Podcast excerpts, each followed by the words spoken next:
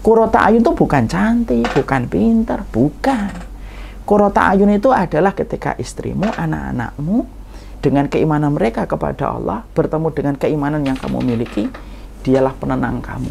Badai boleh terjadi di luar rumah, hmm. tapi tidak ada tempat yang paling damai kecuali di dalam rumah. Petir halilintar, kilat menyambar-nyambar ketika kita buka pintu cekrek. Semua petir halilintar, badai hilang ketika kita menutup pintu dari dalam seiring ketika kita sudah berada di dalam rumah kita.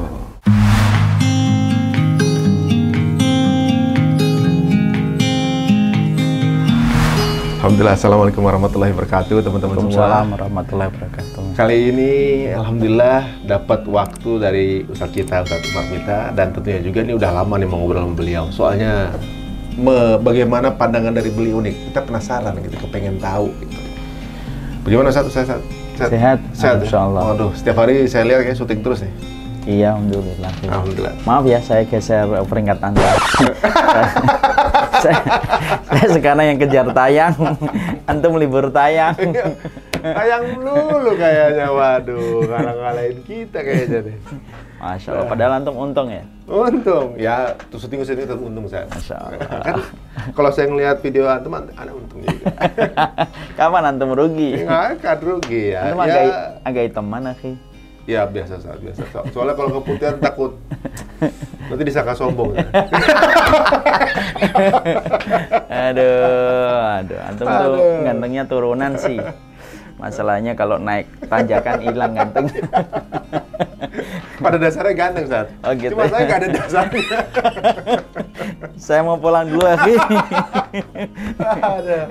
Terus gimana? Nih pandemi eh, kayaknya malah santai-santai aja gitu. Enggak, enggak ada santai. Hidup itu kan hanya pindah dari satu aktivitas kepada aktivitas yang lain. Hmm. Nah, Tapi ini kalau antum tahu ya, akhi, ini tuh merupakan pandemi itu secara tidak langsung bagian dari cara Allah mengabulkan doa saya. Bagaimana tuh? Walaupun saya tidak minta pandemi. ah. saya tuh dulu berdoa ya Allah gitu. Semoga saya diberikan engkau kegiatan yang engkau ridhoi yang tidak jauh dari rumah. Hmm. Yang bisa ngelihat rumah setiap waktu, setiap saat gitu. Allah kasih pandemi. Akhirnya kemudian kegiatan saya diberikan oleh Allah kemudahan untuk selalu melihat rumah setiap waktu bersama di rumah, bisa ngelihat anak-anak setiap waktu dari pagi sampai sore. Di mana dulu ketika pas dakwah itu, ketika belum ada pandemi, sering Keluar sekali terus, ya, sering sekali kita pergi pagi pulang malam melihat anak kan sudah dalam kondisi keletihan. Selalu ada kebaikan di balik setiap ujian yang Allah berikan kepada kita. Makanya cara pandang kita menyikapi sesuatu itu yang selalu harus kita perbaiki. Hmm. Karena takdir Allah itu kan sejatinya tidak pernah salah. Hmm. Apa yang buruk buat kita belum tentu buruk di masa mendatang. Hmm. Apa yang baik untuk kita juga belum tentu baik di masa mendatang kan. Hmm. Berapa banyak makanan manis yang kita rasakan senang tapi ujungnya tidak baik kepada kita ketika di Diabetes, waktu ah. tua. Hmm. Tapi berapa banyak makanan-makanan yang nggak kita suka. Contohnya ya makanan-makanan sehat itu kan rata-rata. Jamu gitu misalnya. Iya. Itu Jahe. minuman. Ya, misalnya kayak jahe gitu kan. Itu minuman juga. Makanan-makanan sehat itu kan rata-rata banyak yang tidak familiar dengan Hmm. lidah. Tapi justru keesokan waktunya itu justru baik untuk kita. Takdir itu juga gitu, Aki. Takdir itu terkadang kok gini ya, tapi ternyata ujungnya ada kebaikan. Hmm. Makanya kita disuruh oleh Allah kalau setiap takdir itu turun, kita cuma diperintahkan oleh Allah satu. Sabarlah di ruang tunggu, maka Allah yang akan menentukan kebaikan pada ruang selanjutnya. Masalahnya kadang-kadang kita di ruang tunggu sudah nggak sabar. Sabar. Ruang selanjutnya nggak pernah datang. Hmm. Ya itulah tingkat kesabaran. Nah ini yang justru sebenarnya mau saya tanyakan juga, apalagi mungkin di di zaman pandemi pandemi seperti sekarang nih saat ya. Jadi maksudnya kalau untuk yang sudah menikah, tingkat perceraian, nanti ngomong nikah kenapa? Apa? Kenapa antum ngomong nikah? Ya karena lingkungan udah nikahnya mulai nyindir-nyindir. belum Mau- berani, Sar. Belum mau- berani. Udah, mau- saya langsung itu di Mau poin. saya bongkar omongan antum sebelum kita syuting. saya tawar aja saat ya. Pokoknya yang belum berani saat kalau yang itu belum berani ya. Udah tahu pasti oh, maksudnya. oh, belum berani ya? Belum belum belum bukan, bukan belum mau ya? mau. Lelaki itu selalu mau tapi belum tentu mampu. Oke, insya Allah. ya, ya, ya, ya, ya. Enggak lah, enggak Ya. boleh gitu, Akhi. Jadi, jadi misalnya ini kan maksudnya gini, di era pandemi ini banyak banyak permasalahan. Permasalahan itu beda-bedanya ter, apa? Beda dari setiap polanya itu tergantung orangnya kan gitu. Yang udah menikah angka perceraian naik. Mm-mm. Gitu. Masa sih pandemi ini perceraian naik ya?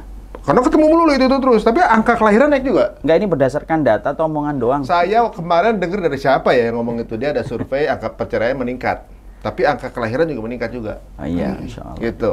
Yang masih jomblo, eh, usia, maksudnya pernikahan tuh banyak yang tertunda gara-gara merasa pendapatan belum stabil. Ini kita nyikapi gimana saja? Semuanya kan kayaknya eh, orang memandang tuh sini masalah, sana masalah, di rumah juga masalah, pekerjaan masalah gitu. Ini gimana Sat? Sebenarnya kalau saya sederhanakan, Akhi ya, pernikahan itu sebenarnya bukan beban. Pernikahan itu obat. Hmm. Al ishku daun wa dawa'uhu azzawaj. Hmm. Cinta itu penyakit, tidak ada obatnya kecuali pernikahan. Jadi masalah, jadi sebenarnya kalau mindset kita itu sudah menganggap pernikahan itu beban, salah besar. Hmm. Pernikahan itu obat. Karena obat dari segala keresahan hati itu terdapat pada pernikahan. Jadi jatuh cinta malah penyakit sebenarnya. Jatuh cinta itu penyakit. Antum kalau jatuh cinta, kira-kira ya antum jatuh cinta, apa yang antum lakukan? Kalau antum sekarang punya handphone, antum akan ngecek, antum akan stalking, Hmm. antum akan perhatikan WhatsApp-nya apa. Mungkin antum kalau membuat IG story juga ada nama yang paling antum cari apakah dia nge-view atau tidak. Kan begitu. Hmm. Orang yang jatuh cinta itu penyakit. Yang jatuh cinta itu penyakit. Tidak ada obatnya kecuali pernikahan. Berapa banyak orang yang merana, tidak bisa menikmati bagaimana sujudnya, tidak bisa menikmati pekerjaannya, ketika pikirannya terombang-ambing kepada orang yang dia puja. Penyakit, cinta itu penyakit. Oh. Makanya obatnya itu adalah dalam pernikahan. Makanya di satu sisi inilah yang menjadikan kita harus memahami pernikahan itu disyariatkan oleh Allah tidak pernah menjadi beban, tetapi menjadi bagian dari solusi banyak dalam kehidupan kita. Hmm.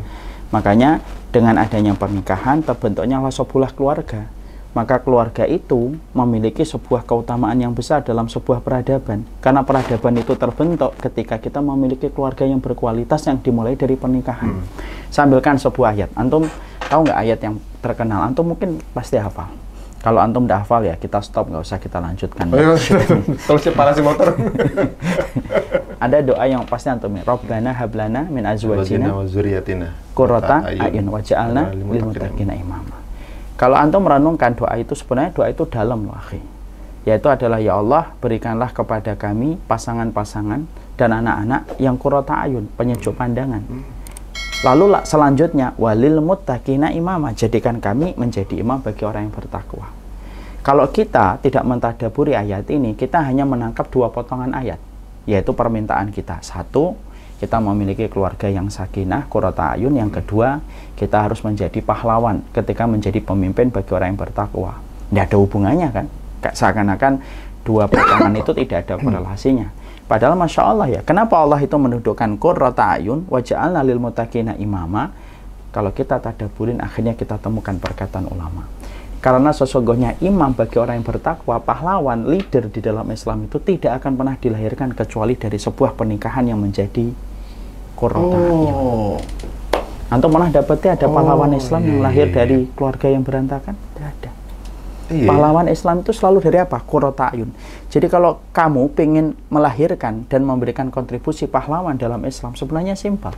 Perhatikan pernikahan kamu, memperhatikan pernikahan itu merupakan salah satu gerbang besar untuk menciptakan anak-anak yang menjadi pemimpin di masa mendatang. Aduh. Makanya kualitas kita Oh. bersama istri dan kualitas istri bersama suami itu menunjukkan kualitas anak nanti menjadi imam atau menjadi makmum bagi orang yang bertakwa. Hmm. Nah itu yang kita harus mengerti. Makanya kan maaf ya, pembahasan keluarga di dalam Islam itu detail lagi. Antum nggak pernah dapati satu agama yang paling detail ngatur tentang masalah keluarga kecuali Islam. Sampai antum dapati aturan ya, antum punya kamar nggak sama istri antum? Punya kamar utama kan? Enggak, kita tuh di emperan aja tuh. di dapur ya. ya.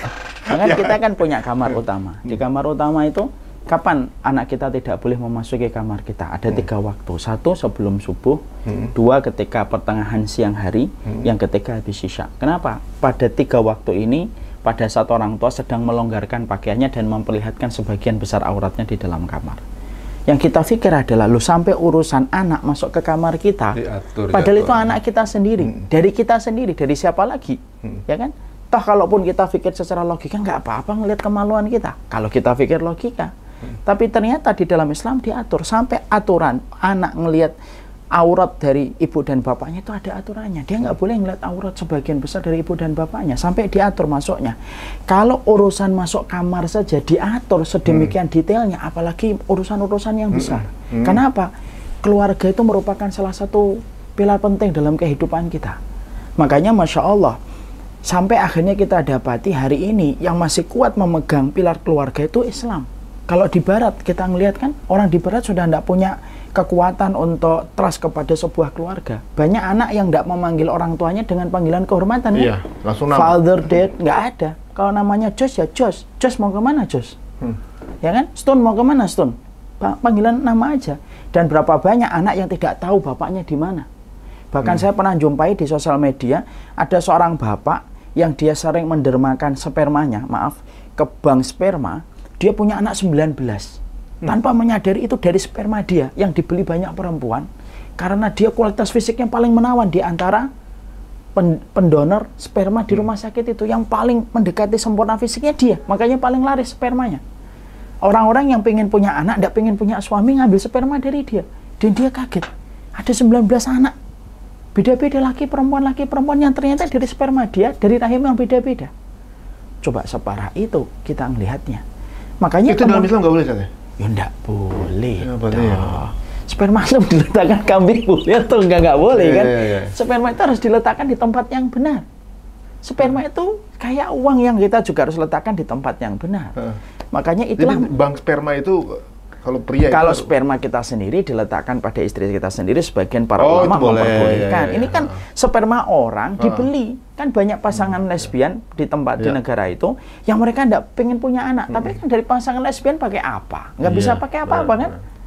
Nah, Apa yang mereka lakukan? Mereka pasangan lesbian supaya lesbiannya tetap mereka bisa rasakan nikmatnya, lah mereka beri sperma. Kan begitu.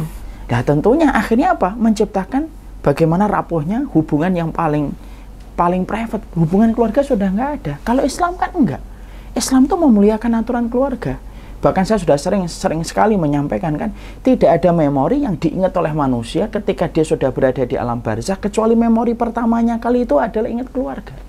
Makanya kalau manusia sudah menjawab pertanyaan muka dan akhir, antum bisa bayangkan. Kalau saya tuh sering membayangkan bapak dan ibu saya ketika sudah meninggal dunia. Ketika mereka mampu menjawab pertanyaan muka dan akhir, teriakan apa? Pertama kali, kata Rasulullah, mereka akan berteriak, Ya Rob, akimis sa'ah hatta arji ila ahli. Ya Robku, tolong segerakan kiamat ya Allah, supaya aku cepat kembali bertemu kembali dengan keluargaku. Lo memori tentang keluarga tidak pernah lupa, tidak pernah rontok. Padahal dia melewati guncangan kematian. Melewati alam yang, melewati langit yang ketujuh sampai ke atas, sampai balik lagi ke liang kuburnya. Itu kan melewati alam yang betul-betul baru. Tapi walaupun sedemikian dahsyatnya dia melewati guncangan kematian, ketika dia menjawab pertanyaan muka dan akhir, tidak ada yang pertama kali diingat itu kecuali adalah cepat segerakan kiamat aku rindu kembali bersama dengan keceriaan keluargaku. Ini menunjukkan betapa besarnya keluarga kan?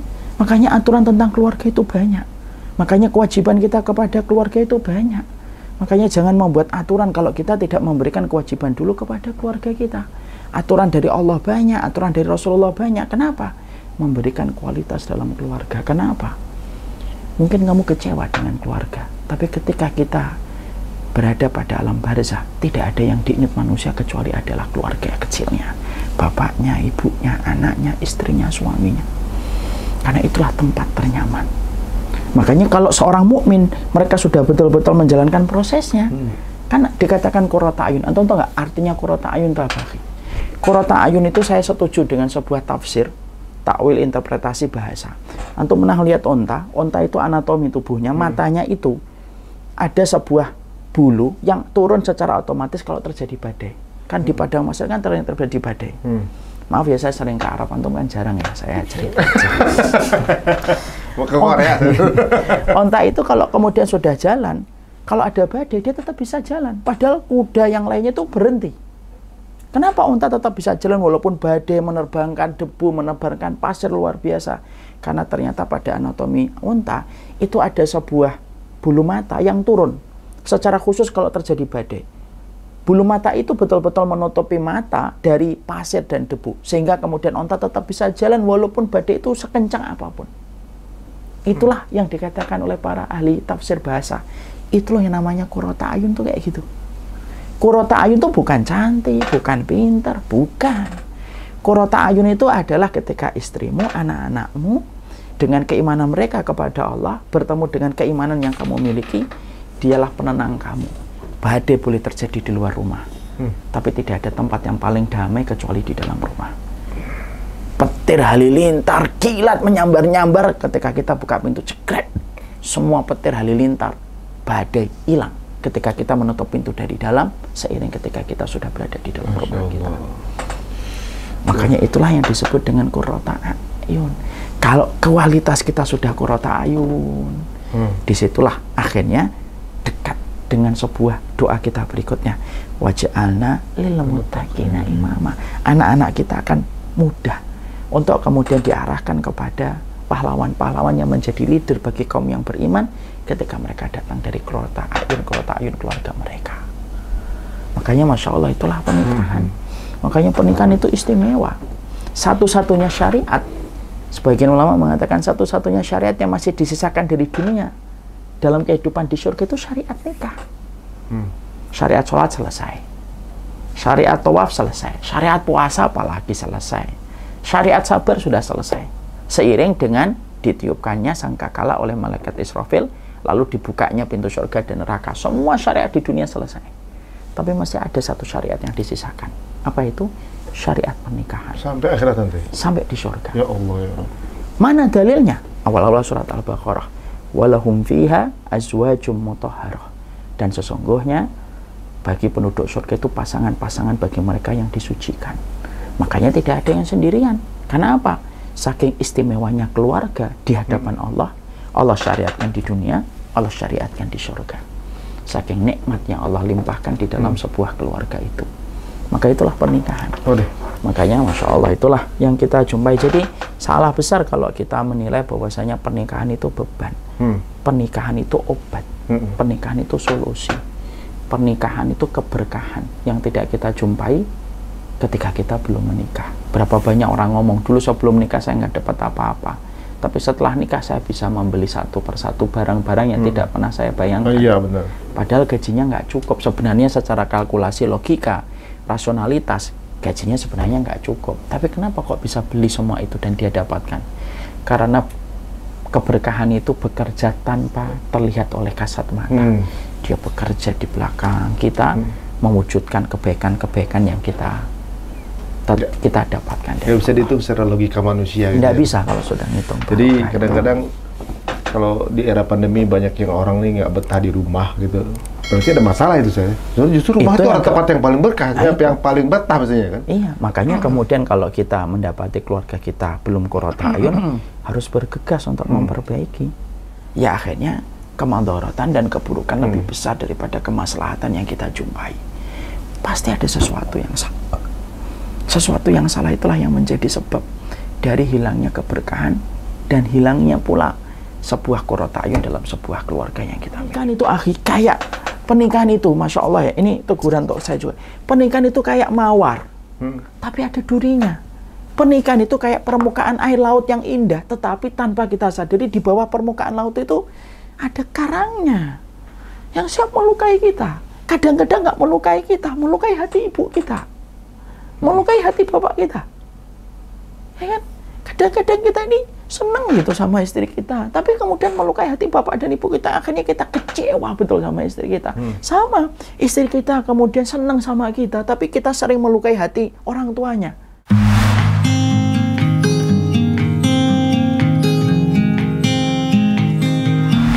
jadi kadang-kadang kalau di era pandemi banyak yang orang nih nggak betah di rumah gitu Berarti ada masalah itu saya. Jadi justru rumah Itu itu, adalah tempat yang paling berkah, Nah, yang, yang paling betah maksudnya kan. Iya, makanya kemudian kalau kita mendapati keluarga kita belum kurota ayun, harus bergegas untuk memperbaiki. Bergegas itu ya tentunya kita memperbaiki sesuai dengan apa yang Allah berikan kekuatan kepada kita. Cepat harus segera diatasi. Dan banyak sebab sih, akhi. Saya tuh ngomong ini juga kemudian sebenarnya kan senang menasihati diri sendiri ya. The best learning itu is teaching ya. Sebaik-baik belajar itu yang ngajarin gitu loh. Karena kita nasihatin diri kita sendiri. Karena ternyata banyak sebab. Salah satunya yang paling penting itu apa? Gak ada ilmu sebelum kita nikah. Orang kalau sudah nggak ada ilmu sebelum nikah ya berantakan. Hmm. saya belajar simpel gini aja. Antum di universitas ada yang namanya fakultas teknik mesin. Ya, berapa tahun belajar teknik mesin? Itu orang bisa sampai 4 tahun lah. Apa istimewanya mesin sampai 4 tahun padahal dia benda mati Iya. tapi orang Lulus belum memaklumi tentu kerja lagi. lulus belum tentu kerja. Iya, iya. Tapi orang bisa kemudian mempelajari teknik mesin sampai empat tahun. Dan kemudian nilainya, mungkin karirnya akan ditentukan ijazah sebesar apa dia memahami mesin yang dia pelajari selama kuliah. Padahal itu hanya memahami mesin. Anehnya, kita nikah itu memahami sebuah benda yang tidak statis tapi yang dinamis, bergejolak hatinya, bergejolak perasaannya, panjang logikanya, tapi malah kita itu tidak pernah mempersiapkan benar, ilmunya. benar, benar. Akhirnya apa? Ya akhirnya kemadorotan dan keburukan lebih besar daripada kemaslahatan yang kita jumpai. Pasti ada sesuatu yang salah. Sesuatu yang salah itulah yang menjadi sebab dari hilangnya keberkahan dan hilangnya pula sebuah ayun dalam sebuah keluarga yang kita miliki. Nah, ini Nah, menarik itu. kan. Itu kan eh, berarti ada yang salah itu pada saat berarti pada saat kita memulai banyak yang orang ketika menikah itu justru memang lebih pada nafsu gitu misalnya kan atau tanpa ilmu apa-apa kemudian ujuk-ujuk nikah gitu misalnya Eh, ada juga yang mempersiapkan kalau nanti menikah berkeluarga akan seperti apa gitu. Jadi saya setuju sama pandangan Ustadz bahwa Islam ini mengatur apa keluarga itu unlimited jadi maksudnya range-nya bukan cuma di dunia. Apalagi pas dibilang amal jariah terpanjang tuh kan doa anak yang soleh gitu kan. Masya Allah. Menurut saya ini kan konsep parenting yang paling hebat. Berarti kan kita memang orang Islam memang diwajibkan untuk ngajarin anak terus harus kita harus jadi ngajarin anak dah. Ditambah tadi Ustadz bilang bahwa syariat pernikahan tuh nggak nggak berhenti di dalam kehidupan aja nah itu saya langsung waduh related berarti sebenarnya jadi Allah nih mikirin kita tuh berjamaah dalam keluarga gitu Ustadz. Iya. Wah ini menarik banget ya. Jadi untuk teman-teman di rumah mungkin yang sekarang ini eh, kayaknya apa namanya gejolak terus di rumah apa segala macam atau juga mungkin yang sekarang ini baru mengonsepkan untuk nikah. Nah kira-kira biar ketika menikahnya itu nggak nggak terjebak dalam pernikahan yang mungkin eh, seolah-olah sebelum menikah tuh kayak pasangannya kayak pasangan Korea gitu Zat. Pas di eh, maksudnya kayak waktu mau nikah tuh kayak wedding ring pas udah nikah jadi conjuring gitu Zat. Hmm. Itu kan gara-gara Kenapa antum nyebutnya Korea gitu? Kenapa nggak Amerika, Oh, Rusia enggak. gitu? Korea kan sekarang lagi drama Korea lagi Oh, romantis gitu. lah. Oh, Seolah-olah kayaknya Bukan Cocok. karena Korea. Lagi? Ah, Ustaz. Soalnya gini Ustaz. Kalau ngelihat uh, Rusia aja Rusia Rusia. Rusia, Rusia. Enggak, tapi sih saya suka nonton film Korea. Oke. lah, Jadi Korea. waktu kalau nonton film Korea tuh romantis semua Ustaz. Kadang-kadang pemainnya yang di film itu eh, menikah mereka tuh sampai menikah tuh saking romantisnya fansnya sampai histeris oh mereka nikah di support segala macam tapi ternyata kenyataan di kehidupan aslinya mereka tuh nikah sebentar karena eh, intinya bahwa para pemeran itu menyangka bahwa kehidupannya itu nggak seindah film yang dia mainin gitu Iya, emang. nggak seindah eh, senario jadi ketika ini ah nggak se Indah. nggak se semenarik itu kok So, gitu iya. banyak yang bubar akhirnya cepat Mang Antum tahu nggak sebuah penelitian itu? Saya pernah baca sebuah penelitian. Tentunya penelitian ini sangat subjektif ya, Hmm. pro dan kontra silahkan. lah. Tapi saya merenungi perkataan dari penelitian ini. Negara yang paling banyak perceraian adalah negara yang paling banyak mengumbar kata cinta dan romantisme di kalangan anak mudanya.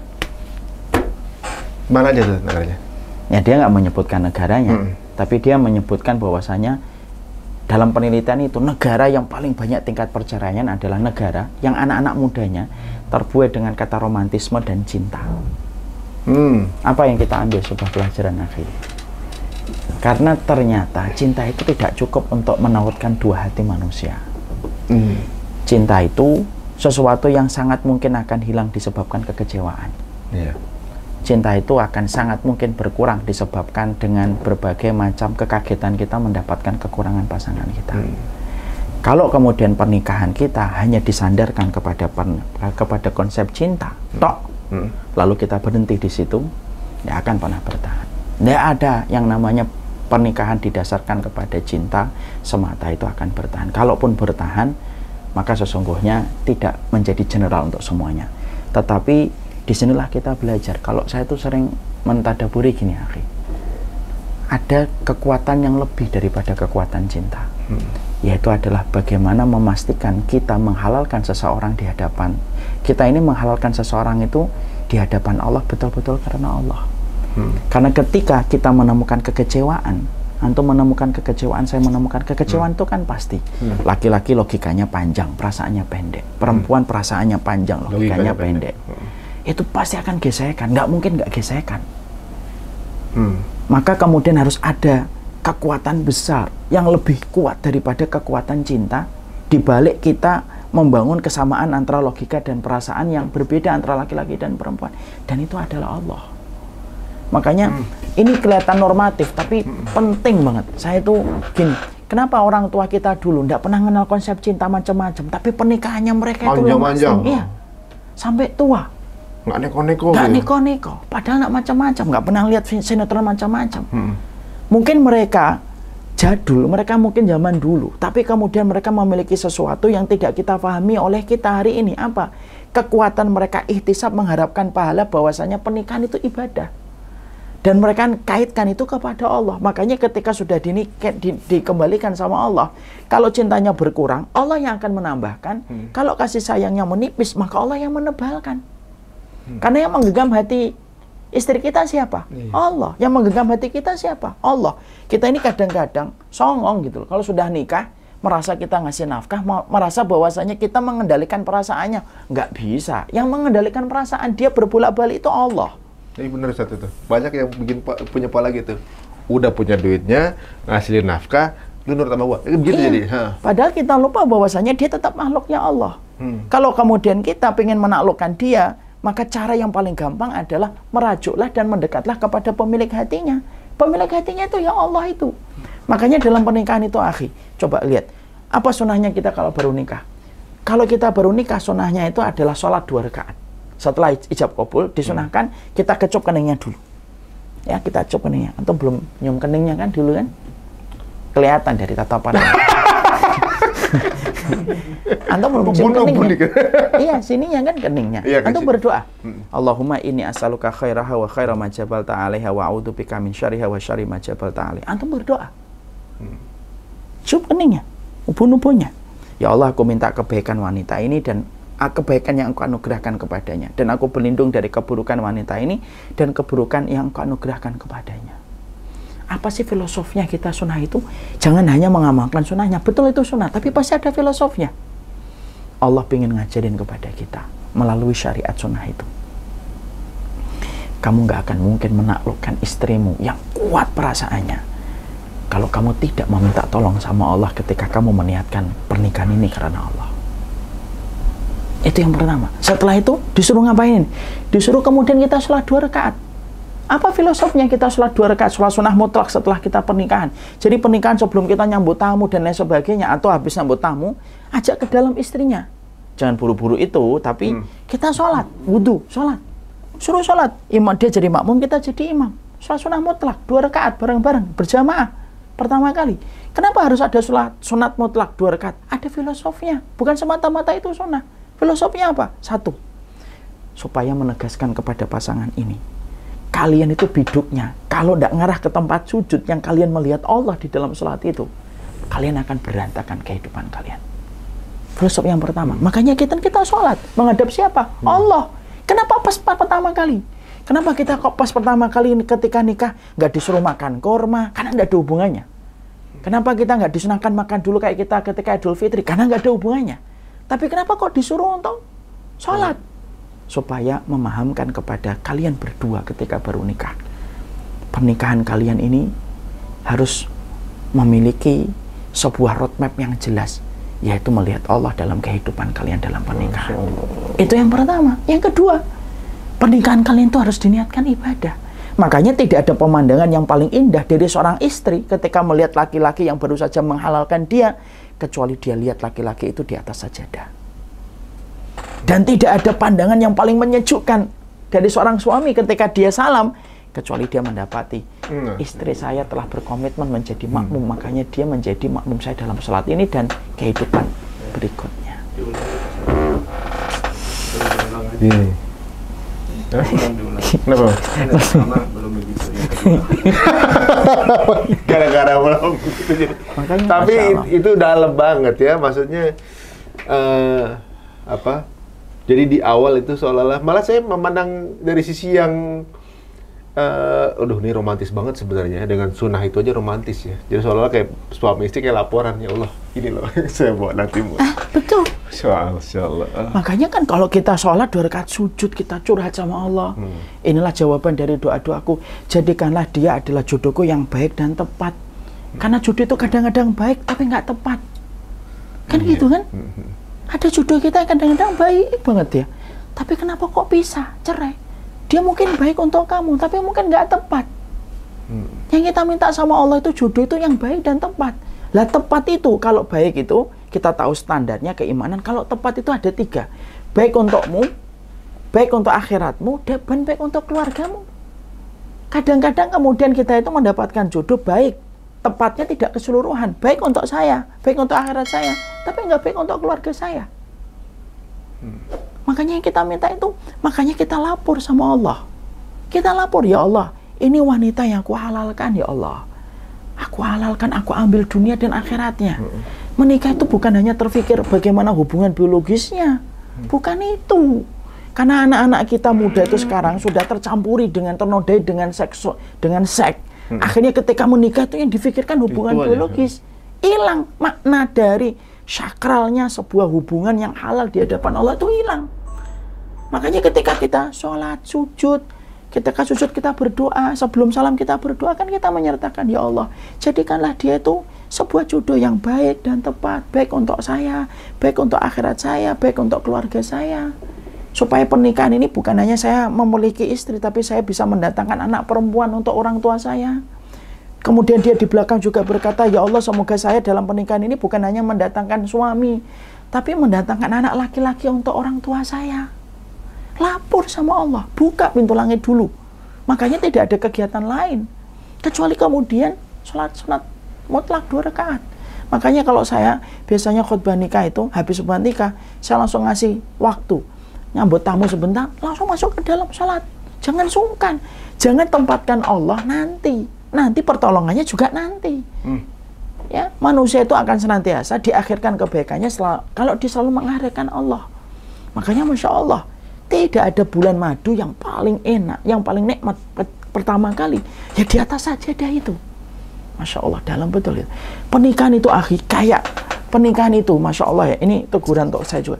Pernikahan itu kayak mawar, hmm. tapi ada durinya. Pernikahan itu kayak permukaan air laut yang indah, tetapi tanpa kita sadari di bawah permukaan laut itu ada karangnya yang siap melukai kita. Kadang-kadang nggak melukai kita, melukai hati ibu kita melukai hati bapak kita. Ya kan? Kadang-kadang kita ini senang gitu sama istri kita, tapi kemudian melukai hati bapak dan ibu kita, akhirnya kita kecewa betul sama istri kita. Hmm. Sama, istri kita kemudian senang sama kita, tapi kita sering melukai hati orang tuanya. Hmm. Itu kan kita sedih itu. Makanya Masya Allah, inilah yang menjadikan kita betul-betul ngerti, karena pernikahan itu kayak mawar, yang tampak indah tetapi ada durinya. Kalau bukan karena Allah yang mematahkan duri itu, tentunya kita akan berdarah-darah. Mintalah bagaimana proses kita pertama itu benar, maka Allah yang akan menghancurkan karang itu sebelum melukai kaki kita. Allah yang akan patahkan durinya sebelum kemudian terkena tangan kita. Karena mudah bagi Allah. Kalau kemudian kita sudah diberkahi dalam pernikahan itu. Makanya saya tuh seneng gitu. Orang tua dulu tuh sering ngomong gini. Saya tuh masih ingat mbah saya, mbah putri saya tuh ngomong gini. Nang, nang, nikah itu ibadah. Saya tuh mencoba menggali maknanya. Kenapa ya kok orang tua itu kok paham ucapan salaf gitu. Padahal orang tua kita itu enggak, dulu nggak pernah ngaji. Nggak ngaji, ya. Tapi kenapa kok ucapan pernikahan itu ibadah itu kan pen- itu kan omongannya para ulama dulu. Hmm. Saya gali akhirnya di dalam kitab itu. Pernikahan itu dikatakan ibadah itu karena tiga. Satu, berarti harus mengikuti petunjuk. Laki-laki memendekkan logikanya, perempuan memendekkan perasaannya. Yang diikuti petunjuknya gimana.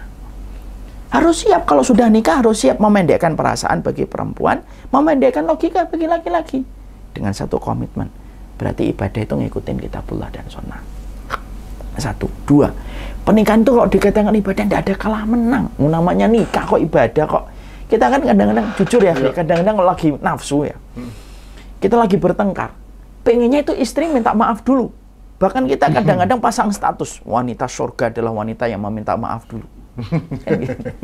Kalau ngomong langsung nyindir gitu ya. Kameramennya ketawa. iya bang, sering begitu. Makanya dia senang banget dengan status belum. Wah bisa panjang nih. Maka kemudian pernikahan itu kenapa ibadah? Yang kedua, tidak ada kalah menang. Siapa pun yang meminta maaf dulu, itu adalah orang yang menghargai ridhonya Allah pada pernikahan yang dia telah lakukan. Makanya nggak ada kalah menang kan? Kalau pernikahan ya sudah, yang minta maaf dulu itu yang menang. Kita ngerasa kalau kita bisa ngalahin istri seneng. Istri saya mah nggak berani sama saya. Saya laki-laki yang tegas. Ini bukan laki-laki tegas. Kelaki-lakian itu tidak diukur bagaimana dia itu memperbudak istrinya. Kata siapa rojulah, maskulin itu diukur dari cara dia ketika mengatur seenak-enaknya istrinya. Maskulinitas itu nggak pernah diukur dari situ. Kan gitu. Tapi banyak pula istri yang juga bangga. Suami saya emang takut istri, takut sama saya. Senang dia. Ini berarti kemudian pernikahan itu menempatkan kayak kompetisi. Padahal pernikahan itu ibadah. Masya Allah ini kalau saya ngomong ini, kalau di sini gampang banget. Kalau pas di rumah susah banget. Saya baru ngomong gitu. Padahal kalau kita lagi bertengkar itu, Masya Allah. Oh, ini kayaknya eh, Uh, dari ego. sini turun ke bawah, di sini ke bawah, semua hadis pengen kita keluarkan. Kadang-kadang kita pengen ngomong, kurangnya apa sih saya jadi laki-laki itu kurangnya apa? Kan gitu kan? Padahal tanpa kita sadari, orang yang kita halalkan itu sudah dikatakan oleh Nabi. Dia itu makhluk yang tercipta dari tulang rusuk yang paling bengkok. Loh, memahami itu kok lupa terus kita itu. Itu tinggal beng- bengkokin kita yang terlalu tegang aja, tinggal bengkokin aja Loh, antum tahu nggak? Rasul itu mengatakan fa innal mar'ata khuliqat min dilain fa inna a'waja syai'in a'laha. Tulang rusuk itu kan begini ya, bukan begini terus begini ya, tapi begini dari ini sudah bengkok. Yang paling bengkok a'laha kata Rasulullah. Apa sih maksudnya Nabi menyebutkan yang paling bengkok itu atasnya? Dari yang bengkok yang paling bengkok. Di situlah perempuan diciptakan. Antum bisa bayangin itu. Makanya kalau kita akhirnya tidak banyak-banyak meminta tolong sama Allah, susah. Antum dua hari, tiga hari mungkin baik. Nggak bisa antum harapkan lima hari terus dia senyum terus. Nggak bisa. Itu fitrahnya dia. Fitrahnya Pantesan dompet dia. saya sering bengkok. Kalau dapat duit lagi, udah kosong aja nih. Itu kan antum ambien. Oh, tahu lagi. Ustaz. Jangan salahin istri antum. Tapi emang benar Ustaz. Waduh, ini banyak banget sih sebenarnya pelajaran yang bisa kita ambil ya dari dari uraian Ustaz tadi aja. Eh, apa namanya? eh, konsepnya bahwa pernikahan itu berarti bukan transaksional ya Ustaz. Kita nih, tapi kita nih ya namanya mungkin fitrahnya manusia kali Ustaz ya. Itu transaksional. Ngerasa kalau kita udah berbuat im- imbal balik gitu ya. Seolah-olah gitu. Kan gue udah begini. Gue udah begini. Seolah-olah gitu kan. Itu namanya kan bukan ihtisab. Iya itu makanya Ustaz, kalau menurut Anda tuh banyak salah persepsi, termasuk mungkin saya juga suka begitu Ustaz. Jadi misalnya kayak kita ada perbedaan pendapat, Ustaz tadi eh, kalau kita maafin duluan kita yang menang, tapi itu berat loh Ustaz. Iya, Apalagi kalau, aduh ego kita kesenggol, aduh. Beneran. Padahal sebenarnya maksud dari istri kita ataupun maksud kita apa pun yang kita lakukan sebenarnya kan bukan bermaksud melukai kan. Hmm, iya. Tapi Kadang setan- sepele. Iya, Kak, setan menjadi penumpang gelap dalam setiap ucapan yang kita sampaikan. Hmm. Ustaz. Memang sedih memang. Tapi Benar, istri kita itu bagaimanapun akhi tawanan kita sebenarnya. Begitu. Loh, iyalah, dia mau sholat, mau puasa sunnah izin sama antum atau enggak? Oh iya sih. Istri antum mau pergi ke Bandung izin sama antum atau enggak? Ya saya Kalau dia saya. Nah, ini nih yang bikin saya nggak jengkel. Kayak gini. saya mau pulang aja. Iya semua harus izin kan mas. Nah, itu tawanan. Walaupun sebenarnya sekarang juga kita bingung yang tawanan saya atau dia. Iya Sat. Itu seolah-olah tawanan.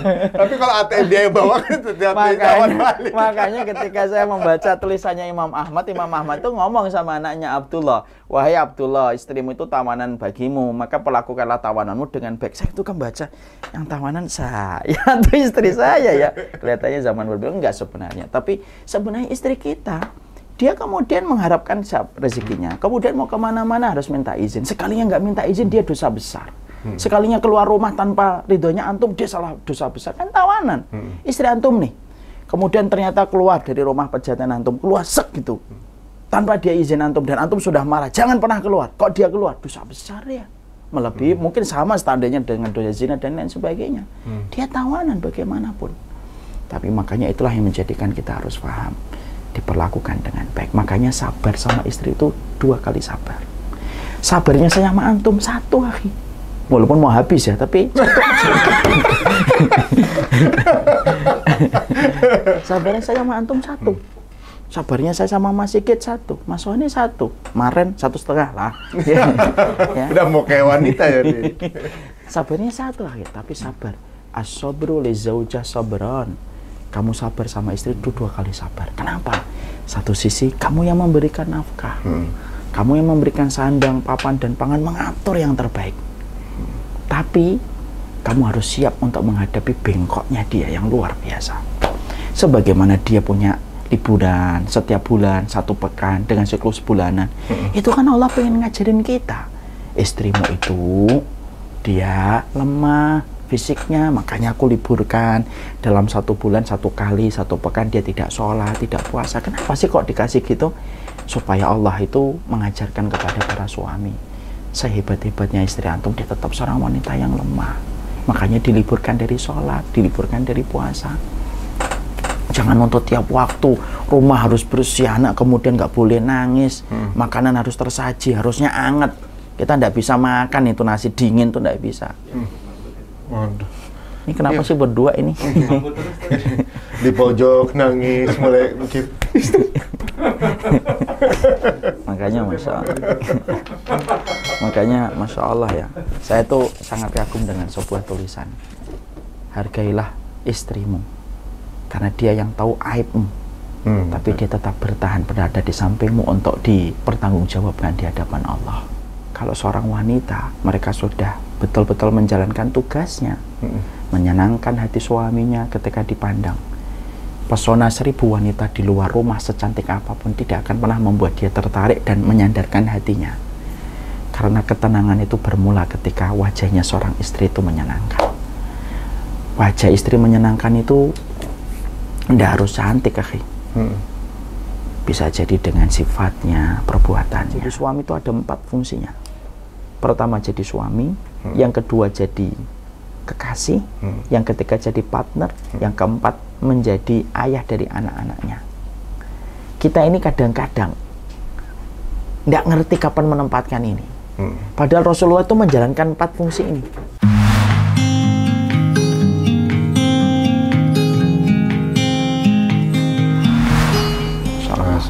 Tapi juga kita harus paham juga, istri juga harus betul-betul paham perjuangannya.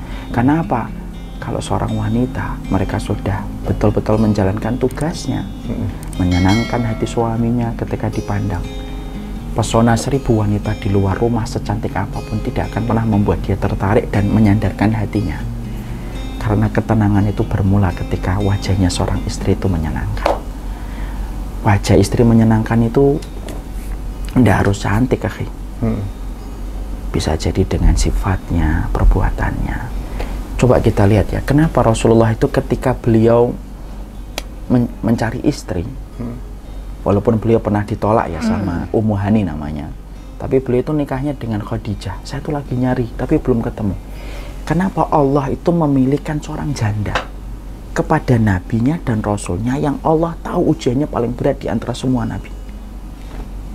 Hmm. Dan Iya itu. saya belum menemukan jawabannya. Tapi yang jelas saya ini takzim betul sama Ibunda Khadijah.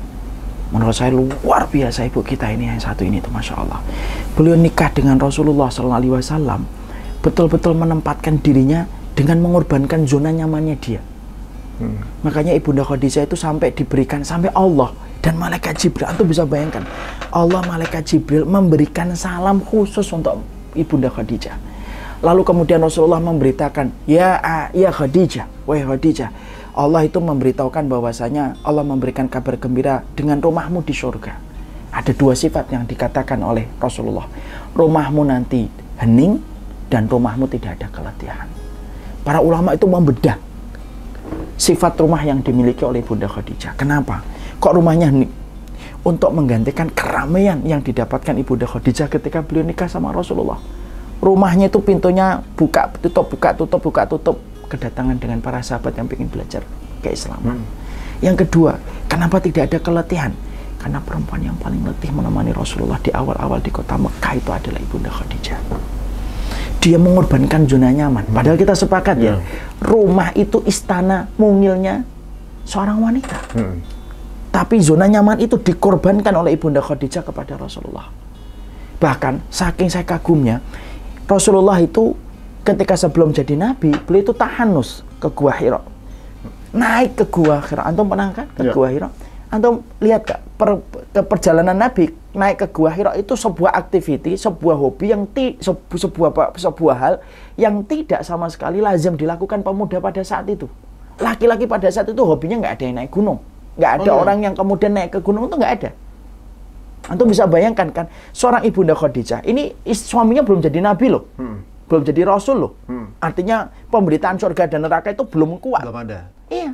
Tapi kemudian Rasulullah pergi ke Gua Hira, Ibunda Khadijah itu tidak pernah protes. Atau bisa bayangkan itu. Padahal perbuatan itu tidak lazim dilakukan oleh laki-laki pada zaman itu. Mungkin dianggap aneh begitu. Iya, kalau orang tahu kan aneh. Oh. Tapi sama sekali Bunda Khadijah itu nggak pernah ngomong, ngapain sih ya Rasul, ngapain sih Muhammad, suamiku, kenapa sih kamu pergi ke Hira malam-malam, kamu itu ada apa pikiran kamu, gitu kan begitu. Kan nomornya gitu. Sekali lagi ya, Ibunda Khadijah pada saat itu belum beriman. Hmm. Jadi belum pemberitaan surga dan neraka itu belum ada. Masya Allah, ketika akhirnya beberapa waktu sering kemudian ke Gua pagi-pagi pulang dalam kondisi gemeter. Coba, apa yang dikatakan Ibunda Khadijah? Ibunda Khadijah tidak pernah ngomong kepada Rasulullah. Tuh kan, Muhammad, kamu sih aneh-aneh malam-malam. Biasanya gitu semua kalau istri. Pagi-pagi ketakutan, makanya Mbok jadi laki-laki yang lazim gitu. Enggak sama sekali. Diselimutin itu suaminya. Lalu kemudian beliau berkata kepada Rasulullah Muhammad, engkau adalah laki-laki yang baik, penyambung tali silaturahmi, kemudian memuliakan tamu, orang yang amanah. Coba, ditenangkan hati suaminya itu. Pantas kalau kemudian Rasulullah itu pemenang hatinya adalah Iya. Ibunda Khadijah. Di situlah kita akhirnya paham. Seorang wanita tidak akan pernah dia bisa untuk mendapatkan ridho suaminya kalau dia berbuat baik kepada suaminya karena suaminya. Karena apa? Berbuat baik kepada suami tidak akan bertahan kecuali hanya beberapa hitungan hari. Tapi kalau dia berbuat baik kepada suaminya, karena dia tahu di balik punggung suaminya itu ada delapan pintu surga. Itulah yang akan panjang dilakukan oleh dia. Istri saya harus lihat ini kayaknya bener harus. Makanya medan nah, ini salah satu kesalahan kayak gini nih. Makanya kemudian medan jihadnya wanita itu apa? Yaitu mendapatkan ridho dari suami. Berat, iya beratnya namanya jihad itu tidak ada yang ringan. Coba kita bayangkan orang berjihad di Palestina? Bawa senjata, pergi ke tempat yang berat, risikonya nyawa. Dan wanita itu akan mendapatkan pahala sebagaimana laki-laki yang berjihad itu ketika dia merelakan perasaannya, meletakkan ridhonya kepada suaminya, maka Allah yang memuliakan dia. Dan banyak keberkahan yang akan didapatkan olehnya. Antum pernah dengar nggak video anak yang gini? Ada seorang ibu-ibu punya dua anak. Lalu dia tanya kepada seorang syekh guru besar, Syekh, kenapa ya anak saya pertama kok susah dididik, tapi anak kedua saya baik banget. Padahal kan sama-sama dari rahimnya saya. Syekhnya itu kemudian tanya balik. Maaf ya, ibu, ya. Bagaimana kedudukan ibu ketika waktu memiliki anak yang pertama dengan suami? Sang wanita sempat ngomong, apa hubungannya saya? Jawab dulu aja. Lalu kemudian sang wanita ini berkata, ya hubungan saya dengan suami saya ketika awal-awal nikah tidak baik. Karena kami masih awal-awal banyak gesekan, banyak bertengkar. Oh begitu. Terus bagaimana hubungan ibu ketika memiliki anak yang kedua dengan suami oh saya memiliki anak yang kedua setelah lima tahun kondisinya sudah baik jadi akhirnya saya banyak ngalah karena saya akhirnya mulai tahu bahwasanya keridhaan suami saya itu merupakan pintu tengahnya surga lalu gurunya itu berkata itulah jawabannya. Keridhaan suami kepada ibu mempengaruhi keberkahan anak-anak ibu. Kok bisa syekh? Gitu. Kok bisa wahai guru? Kemudian gurunya berkata, karena kalau ibu sudah mendapatkan ridho dari suami, ibarat kata, pintu tengahnya surga itu sudah dapat. Urusan yang lainnya, yang di bawah dari urusan surga menjadi lebih gampang. Wong urusan pintu tengahnya surga sudah dapat, bukan hanya pintu tengahnya. Delapan pintu surga sudah selesai kan kalau sudah diridhoi oleh suami ya. Berarti kalau urusan anak yang lebih ringan daripada delapan pintu surga itu akan lebih mudah lagi. Makanya ketika ibu tidak mendapatkan ridho dari suami, impactnya itu bisa ke mana-mana. Masya Allah perempuan itu langsung ngangguk-ngangguk gitu. Nah tentunya mendapatkan istri kayak gini, yeah. itu tidak luput dari pendidikan kita, Ki. Kewajiban kita mendidik, kewajiban kita sabar, kewajiban kita harus ngasih waktu, kewajiban kita harus luwes memahami mereka. Itu kan tidak gampang. Iya. Kalau Asupan juga termasuk? Asupan sangat mempengaruhi. Untuk mana dengar kisah nyata, ada seorang ulama dulu, ulama dulu, ulama dulu ngomong gini, saya pernah mengasih suapan satu suapan yang syubhat kepada istri saya dan anak saya. Saya dapetin selama satu tahun istri saya dan anak saya selalu cekcok dengan saya. Hmm. Berarti Pada satu suapan. Satu suapan ya? Berarti ini introspeksinya banyak banget ini ya, terutama untuk pribadi atau juga mungkin teman-teman ada yang juga punya uh, kendala yang sama, mungkin misalnya ya dalam rumah tangga memang kadang-kadang nggak melulu mulus ya, maksudnya pasti ada uh, apa namanya, ada juga selisih paham gitu, ada kalanya selisih paham itu selesainya enak, ada yang kayaknya kalau masalah yang itu tuh aja nggak kelar-kelar gitu. Ada yang masalah sepele kok nggak bisa difahamkan gitu. kan itu berarti memang ujung-ujungnya dari yang barusan di apa namanya diutarakan Ustaz ya. Ini istri saya mesti nonton ini ya. Siapa tahu hal-hal dari keredoan suami itu sangat berpengaruh. Antum juga jangan ngambil keuntungan ini yang saya nggak suka ngambil kepentingan pribadi itu nggak suka saya padahal sekarang ada dari sisi lain sekarang sebentar gini dari, dari sisi sebelahnya di sisi lain coba. antum kan juga harus paham akhi sebagai suami itu harus luas Hmm. Makanya saya sering beberapa waktu ini tuh saya lagi nasihatin diri saya sendiri. Jadi suami itu ada empat fungsinya. Pertama jadi suami, hmm. yang kedua jadi kekasih, hmm. yang ketiga jadi partner, hmm. yang keempat menjadi ayah dari anak-anaknya. Kita ini kadang-kadang nggak ngerti kapan menempatkan ini. Hmm. Padahal Rasulullah itu menjalankan empat fungsi ini. Udah gitu ditambah di pemimpin negara juga saja. Pemimpin negara itu nggak usah disampaikan kan oh. itu nggak berkaitan sama istri. Empat ini saja. Lihat Rasulullah. Rasulullah itu pernah lomba lari sama ibunda Aisyah.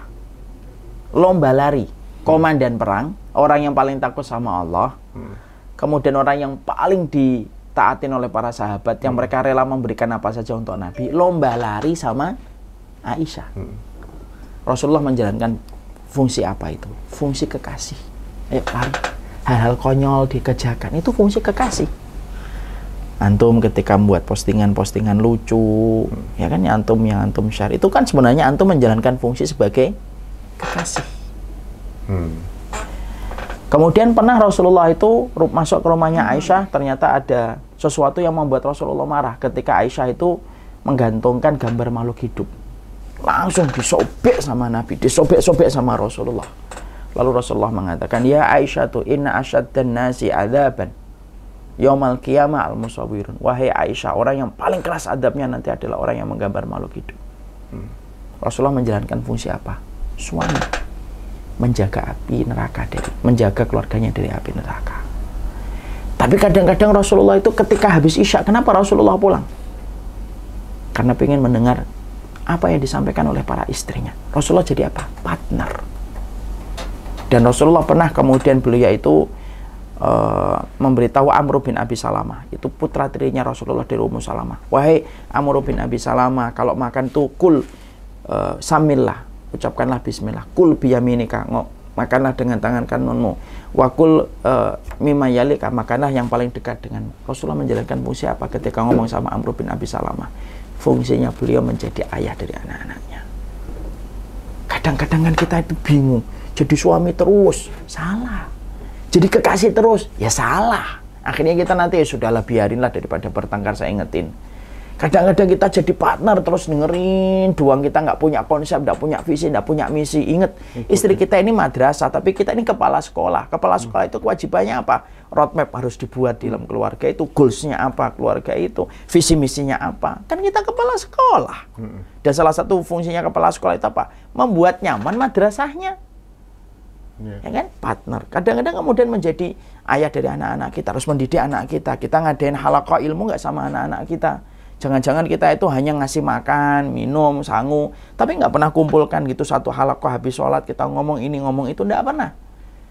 Maka sama istri juga gitu. Istri juga ada empat fungsinya. Dia jadi istri, dia kemudian menjadi kekasih, dan kemudian dia menjadi partner, dan kemudian dia menjadi ibu dari anak-anak suaminya. Kalau kemudian tiba-tiba suaminya manja gitu, oh berarti dia langsung menjadi kekasih Jangan kemudian menjadi istri. Ah, apa sih kamu ini udah gede masih kayak gitu malu ah gitu. Padahal istrinya, padahal suaminya lagi menjadi tiflon kabir, menjadi bayi besar. Ya kan? Hmm. Kemudian ketika suaminya pulang, kemudian dia lagi mukanya tuh nggak bisa senyum gitu kan banyak istri yang ngomong ngapain sih bawa kerjaan kantor ditinggal aja di luar deh hmm. dia lupa pada saat itu suaminya lagi butuh partner Jangan menjadi istri ketika pada saat suami itu lagi bawa beban pekerjaan di rumah, ke rumah. Ya kan? Kemudian ketika kita dapetin bahwasanya istri kita apa, uh, su suami kita meninggalkan kita, dia tuh pingin istrinya itu apa? Menjadi ibu dari anak-anaknya. Lah, mencocokkan empat ini, ini yang jadi sakinah itu kapan? Kalau istrinya lagi pengen jadi kekasih, suaminya juga jadi kekasih. Kalau istrinya jadi partner, suaminya jadi partner. Itu yang dinamakan sakinah. Lah, mencocokkan gini supaya kita itu klop. Kalau istri kita lagi pengen saya jadi partner, saya jadi partner. Kalau saya lagi jangan pengen kekasih, saya jadi kekasih. Caranya gimana Ustaz? Nggak ada caranya kecuali satu. Ista'in billah. Minta tolong sama Allah. Masya Allah. Masya Allah itu saya itu ya Allah ketika baca itu tuh lemes ya Allah saya tuh ketika suami ini jadinya apa sih selama ini tuh suami kadang-kadang mungkin suami terus kalau kita jelaskan halal haram syubhat sunnah kemudian tidak sunnah, iman, syirik, itu kita lagi jadi suami. Tapi jangan-jangan terus suami terus. Hmm. Kadang-kadang hmm. kita ya? jadi, iya jadi kekasih kan. Rasulullah mandi berdua dengan ibunda Aisyah. Jadi apa itu? Jadi kekasih kan. Masya hmm, Allah. Ya, ya, ya. Kadang-kadang kita harus jadi partner. Ya saya ketika akhirnya mendapati pernyataan itu, saya coba cari lagi. Terus cara supaya klub gimana? Supaya ketika jadi kekasih jadi kekasih. Yang satu jadi partner partner jadi partner supaya klop kita nggak menuntut dan yang satunya nggak merasa dituntut. Ternyata jawabannya berat. Istain billah. Tak tolong sama Allah ya Allah. Setuju, kenapa hari ini kemudian fitnah gadget itu mencengkram anak-anak kita? Karena banyak orang tua yang mereka tidak siap untuk mengajak anak laki-lakinya keluar. Hmm. padahal masya Allah ya antum tahu nggak Nabi Yusuf ketika beliau itu digoda oleh istri sang raja hmm. itu kan Allah menyampaikan pada surat Yusuf laula an ro'a burhana rabbihi. Kalau dia tidak melihat tanda robnya pastilah dia akan melakukan perzinahan itu. Pertanyaan kita yang dilihat Nabi Yusuf tanda robnya itu apa? Masya Allah ya ternyata kita ini kalau mau menerima ilmu banyak sekali hal yang kita bisa dapatkan. Sekali lagi istri kita madrasah saya dan antum ini kepala sekolahnya. Istri kita nunggu roadmapnya kita apa? Visi misinya kamu apa sih? Hmm. Itu kan yang ditunggu sama istri kan? Hmm. Dan kita sering tidak menjalankan itu kan? Kenapa? Merasa sudah aku bangunin rumah, sudah aku cukupin pulsamu, sudah aku belikan apa yang barang yang kamu beli, tapi Tapi roadmap-nya apa? Goals-nya apa? Kurikulumnya apa? Visi misinya bagaimana?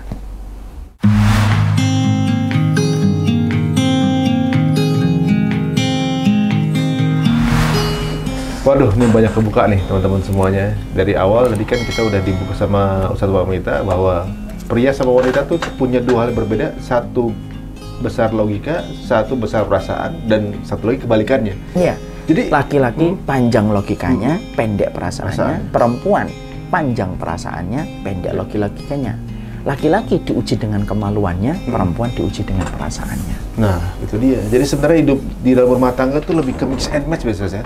Iya. Mix and match itu harus dan itu pergerakannya itu harus benar-benar tahu bisa positioning ya berarti ya saya. Iya luar biasa. suaminya pulang lagi capek, suaminya bilang, "Ah, capek-capek. Tiba-tiba istrinya jadi, eh, ya capek gitu. Betenya orang bukannya nung- nungguin apa namanya momen-momen yang pas. Tapi saya kebaca begini, Ustaz. Ada beberapa hal, tadi Ustaz bilang bahwa menarik ya itu, maksudnya dari empat fungsi sebagai suami. Berarti sebenarnya pola ini bisa kita terapkan juga ke anak, Ustaz ya? Sama. Sama ya berarti ya. Iya. Kayak misalnya saya ketemu anak saya gitu, pada saat dia nggak sholat, masih yang si Atala nggak sholat kan gitu. Misalnya saya bilang, kamu harus sholat. Kalau nggak sholat kamu dosa gitu. Nggak kena gitu ya. Jadi kita jadi teman namanya. Ayo kita sholat yuk barengan gitu. Jadi teman main gitu ya. Waduh, jadi teman-teman, jadi kita berarti Islam mengajarkan bahwa kita nih jangan kaku gitu ya. Dan memang berumah tangga itu butuh ilmu ternyata, nggak asal nggak asal kita menikah selesai. Tadi Ustaz juga bilang bahwa banyak mungkin yang salah persepsi kalau menikah itu yang dipikir hanya hubungan badannya aja. Bahwa ternyata dalam pernikahan itu hubungan badan cuma seperberapa persennya Ustaz Nggak tahu saya.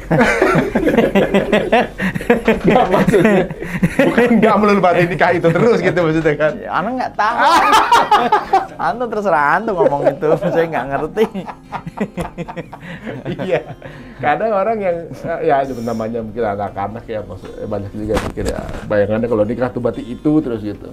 Tapi pas sudah menikah eh, apa namanya? bahwa banyak hal di luar itu dalam pernikahan ini. Nanti orang nggak sering nggak taunya gitu. Padahal nggak usah bahas itu. Makanya saya tuh ini tertarik ya. Kan jadi seorang ayah itu karena kita ini kepala sekolah, kepala sekolah itu harus selalu berkembang. Hmm. Saya kemarin itu ikut parenting ya. Hmm. Memang kita ini harus buang ego. Nggak boleh merasa kita paling tahu tuh nggak boleh. Hmm.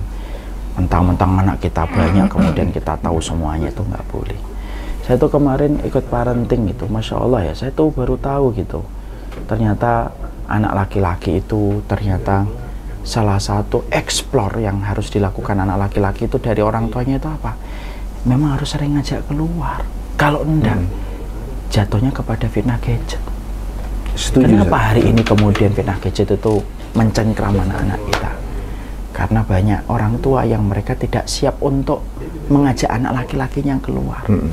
Padahal masya Allah ya, antum tahu nggak? Nabi Yusuf ketika beliau itu digoda oleh istri sang raja, itu kan Allah menyampaikan pada surat Yusuf, laula an ro'a burhana rabbihi. Kalau dia tidak melihat tanda robnya, pastilah dia akan melakukan perzinahan itu. Pertanyaan kita, yang dilihat Nabi Yusuf tanda robnya itu apa? Sebagian tafsir mengatakan yang dilihat Nabi Yusuf itu adab neraka yang Allah timpakan kepada orang yang berzina. Sebagian. Sebagian itu enggak. Sebagian itu menampakkan gambar ayahnya Yakub. Yang mengingatkan kemudian Yusuf tentang semua pelajaran yang pernah disampaikan oleh ayahnya. Apa yang kita ambil pelajaran di situ? Pendidikan karakter itu dari ayah. Saya tuh ya Allah tersentak di situ dalam banyak hal itu masya Allah. Itulah perkara yang kita ini kadang-kadang nggak ngerti. Ya, benar. Makanya beliau itu sampai menyampaikan eh, di kelas itu, saya itu sekarang bukan hanya homeschooling, tapi travel schooling. Karena anak saya laki-laki. Homeschooling itu lebih cocoknya untuk anak perempuan. Hmm. Anak laki-laki itu butuh explore. Makanya tadi sore kan saya tuh dapetin ketika istri saya bibu, WA saya, Bi ini basam lagi kesepian gitu. Makanya saya langsung pulang kan. Tunggu-tunggu lama langsung saya ngambil motor. Karena dia butuh explore dia. Masya Allah ya, ternyata kita ini kalau mau menerima ilmu, banyak sekali hal yang kita bisa dapatkan. Sekali lagi, istri kita madrasah. Saya dan antum ini kepala sekolahnya.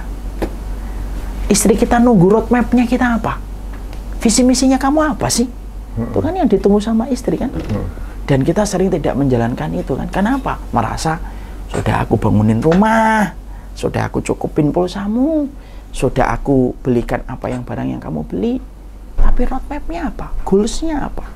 Kurikulumnya apa? Visi misinya bagaimana? Iya. Baru kita tersentak di situ. Duh, banyak koreksi nih saat sepertinya ya. Memang apalagi di zaman sekarang ini di mana apa orang apa zamannya online semua ya.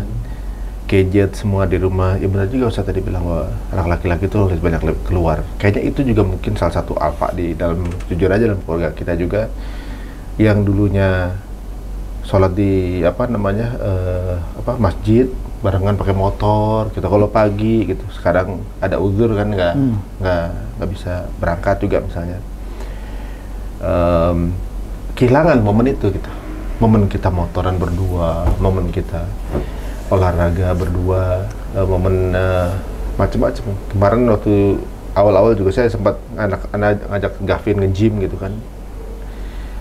Pegel udah dia tapi dia happy sebenarnya. Cuma nextnya lama di gadget ya lebih banyak ke apa namanya eh, apa namanya explore di gadgetnya sampai mungkin sama keluarga sendiri waktunya hilang gitu kan. Ya Iya, itu yang betul. yang itu yang saya merasa juga oh, benar juga ya Mas Karno untung belum terlalu lama hal ini terjadi.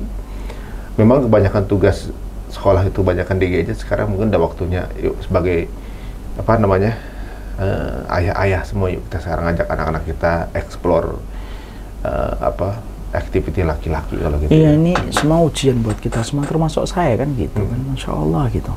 Kita ini kadang Masya Allah ya bisa ngomong sama teman kita panjang dua jam tiga jam tapi ngomong sama anak kadang-kadang ya Allah banyak sekali setannya gitu. Nanti nanti nanti bentar bentar bentar kan gitu padahal kalau kita ngomong coba tadi kita ngobrol dari habis asar Mm-mm. ya kan? Kita antum sudah ke sini kita ngobrol selalu ada tema. Tapi ketika ketemu anak setan tuh langsung bangun barrier yang luar biasa. Masya Allah, astagfirullah. Iya benar juga. Ini kan saya tadi mikir saya ngomong kayak gini tuh saya lang- langsung saya kayak nampar diri saya ya Allah gitu kalau kita sama anak kita tuh bingung ngomong apa gitu padahal kan harusnya gen darah yang mempertemukan kita dengan anak itu yang paling mungkin untuk menjadikan kita itu harusnya bisa ngomong apa aja sama anak kita Hmm. Antum lihat nggak tayangan viral yang beberapa hari ini? Ada seorang bapak-bapak ngomong sama anak kecil, kayak kayak ngomong sama orang dewasa, ketawa-ketawa yang sedang Ya, viral ha. itu. Mana Malaysia? Malaysia. Ha. Saya tuh, ya Allah, kagum gitu. Tapi hidup tuh memang harus ngelewatin salah supaya kita bisa merenung dan benar. mengevaluasi. Ini jelek banget sih hari ini saya, saya nih. Waduh, banyak banget ini yang yang saya dapetin hari ini. Eh, kayaknya ini akan berlanjut teman-teman semuanya. Ini, ini saya rasa baru sedikit dari apa yang dikasih sama Ustadz Umar Mita. Eh, satu sisi, satu angle dari ya sebagian kecil dari mas apa eh, berada rumah tangga dan dia juga bagaimana kita bisa memaklumi pasangan kita gitu. Kebanyakan kita cuma mandang itu angle cuma dari angle kita gitu ya. Persepsi istri kita kita nggak pikirin, anak kita kita juga nggak pikirin. Nanti banyak hal juga yang dia- ternyata juga baru saya tahu eh, fungsi-fungsi sebagai seorang lelaki seperti apa hadis tadi aduh ini pokoknya jelek banget Ustaz hari ini Jazakallah khair Ustaz waktunya Ustaz mungkin eh, apa namanya kalau ada jilid kedua eh, berkenan info ke saya Ustaz Itu tinggal bagaimana sumur di ladang, akhi.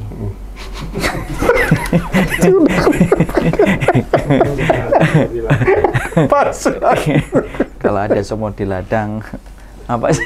kita menumpang mandi Ya, kita, bolehlah kita menumpang mandi. kalau ada umur panjang Kalau ada umur panjang, boleh kita berjumpa lagi. Ya, berarti tergantung sumur di. Masalahnya ladang sekarang udah gak ada sumurnya. Iya, Ustaz. PDAM Jadi real estate, Ustaz. Iya, oke. Waduh, Masya Allah. Jazakallah khair waktunya, Ustaz. Ya. Saya jazakumullah khair akhi, antum sudah datang ke Bekasi. Bekasi itu harga mati, ya kan? Bekasi itu kan antum kan ya, tempat yang lain kan harga tawar dan harga nego. Jazakumullah khair atas kedatangannya. Bekasi itu sebuah kota dengan satu huruf. Bekasi. Memang kenapa sih banyak orang Bekasi itu yang mendapatkan cita-citanya? Saya be- nge- ngelihat itu dua tahun terakhir ini gitu. Kenapa banyak orang Bekasi itu mendapatkan cita-citanya? Karena mereka itu adalah masyarakat yang banyak terdolimi, doa-doa mereka menembus pintu langit.